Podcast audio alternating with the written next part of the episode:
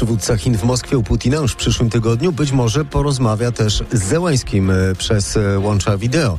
Fakt o 21 zaczniemy od nieoficjalnych doniesień o zaangażowaniu e, Chin w konflikt. Później informacje dla kierowców. O uwagę proszę podróżujących krajówką numer 7, a także autostradą A4. Skoki, tenis i ekstraklasa to już w faktach sportowych. Ani Pekin, ani Moskwa nie potwierdzają informacji o wizycie chińskiego przywódcy w Rosji. Według agencji Reutera, która powołuje się na anonimowe źródła, do spotkania prezydentów Rosji i Chin miałoby dojść już w przyszłym tygodniu. Z kolei Wall Street Journal podaje, opartą również na anonimowych źródłach, informację o tym, że przywódca Chin ma też rozmawiać z prezydentem Ukrainy. Do takiego pierwszego od wybuchu wojny spotkania na łączach wideo miałoby dojść po tym, jak Xi Jinping odwiedzi już Rosję. Trzy tygodnie temu Wołodymyr Załański deklarował, że chce rozmawiać e, z przywódcami Chin jako znaczącego kraju, który mógłby pomóc w osiągnięciu pokoju. Komentując informacje o możliwych rozmowach Xi Jinpinga z Putinem i Zełańskim, doradca amerykańskiego prezydenta do spraw bezpieczeństwa Jake Sullivan podkreślił, że Biały Dom zachęcał chińskiego przywódcę, by zapoznał się nie tylko z rosyjskim, ale też ukraińskim spojrzeniem na konflikt. Teraz w faktach ważna informacja dla podróżujących krajową siódemką na Pomorzu. W Leźnie między Gdańskiem i Żukowem doszło do zderzenia dwóch ciężarówek i samochodu osobowego. Droga jest zablokowana i tak może być jeszcze przez godzinę. A na autostradzie A4 w Dolnośląskiej między węzłami Legnickie Pole i Mikołajowice zepsuta ciężarówka blokuje jeden z pasów ruchu na jezdni w kierunku Zgorzelca. Uważajcie. 10 osób oskarżonych o wyłudzenia podatku VAT. Chodzi o kilkanaście milionów złotych. Grupę przestępczą rozbili śląscy policjanci. Akt oskarżenia trafił właśnie do sądu. Szczegóły zna Marcin Buczek. Marcinie, jak działała ta grupa? Oficjalnie miała to być sprzedaż cynku, ołowiu i włókna stalowego, a towar miał być dostarczany do Czech. Ale w rzeczywistości wystawiano jedynie faktury, które miały ten, jak się okazało, fikcyjny obrót uwiarygodnić. W ukryciu przestępstwa miało też pomagać przelewanie pieniędzy z rachunków firm na konta kolejnych kontrahentów i w ten sposób wyłudzono lub próbowano wyłudzić od Skarbu Państwa co najmniej 14 milionów złotych.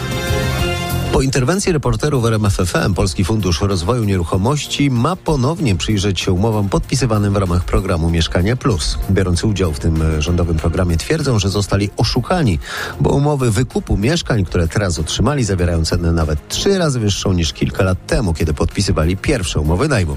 W wieczornych faktach z nami Anna Zakrzewska. Aniu, co jeszcze ustaliłaś w tej sprawie? O kontrowersje związane z programem zapytaliśmy ministra rozwoju i technologii Waldemara Budę. Zmianę tych kwot tłumaczy po pierwsze wzrostem cen nieruchomości, do których doszło w ostatnich latach, po drugie twierdzi, że ceny, które podawano wtedy potencjalnym kupcom, były jedynie cenami stworzonymi, tu cytat, na potrzebę wyceny nieruchomości do najmu. Proszę pamiętać, że przy Mieszkaniu Plus była reguła taka, wchodzimy w najem, a w jakimś czasie e, dostanie zaproponowane dojście do własności.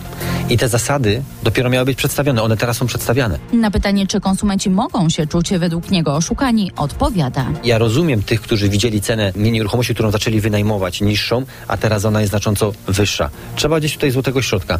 PFRN musi popracować, żeby też te oczekiwania społeczne zaspokoić. Warszawa, Anna Zakrzewska.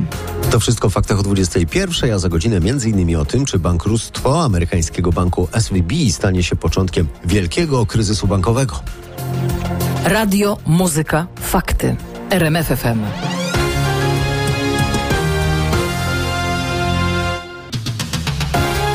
Fakty sportowe i Paweł Pawłowski.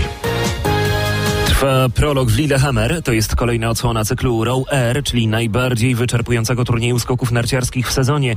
Zawodnicy rywalizują przez ponad tydzień bez przerwy, a skoki kwalifikacyjne wliczane są do klasyfikacji generalnej całego cyklu. Prolog rozpoczął się pół godziny temu. Za nami już skok m.in. Jakuba Wolnego, Aleksandra Zniszczoła i Pawła Wąska. Wszyscy trzej zakwalifikowali się do jutrzejszego konkursu. Sinusoida formy w meczu Huberta Hurkacza. Polek walczy o jedną ósmą finału turnieju w Indian Wells. Rywalem Tommy Paul. Pierwsza partia dzisiaj dla Polaka 6-4. W drugim secie coś stało się z naszym zawodnikiem, no bo dość szybko przegrał tego seta 2 do 6.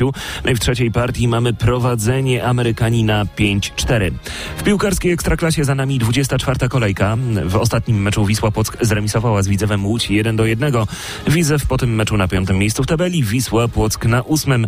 Liderem tabeli niezmiennie Raków Częstochowa, który może pochwalić się serią czterech zwycięstw z rzędu. Tego tego dokonać, to jest duża sztuka. Mieć taką powtarzalność to jest coś, coś dużego. Cieszymy się bardzo, natomiast no jeszcze nikt nie wygraliśmy w tym sezonie, musimy iść dalej. Mówił szkoleniowiec Rakowa Marek Papszun. Sensacyjnie zdobył srebro halowych Mistrzostw Europy, teraz szykuje się już do sezonu letniego. Jakub Szymański, wicemistrz Europy w biegu na 60 metrów przez płotki, chce wystartować na letnich Mistrzostwach Świata w Budapeszcie. Planuję ten start. Wiadomo, że to nie będzie łatwo zrobić e, minimum lub dostać się z rankingu, ale no, na razie po hali mam bardzo dobry ranking. Punkty są wiadomo liczne, także wydaje mi się, że dam radę to zrobić. A cała rozmowa z lekkoatletą jest na rmf24.pl.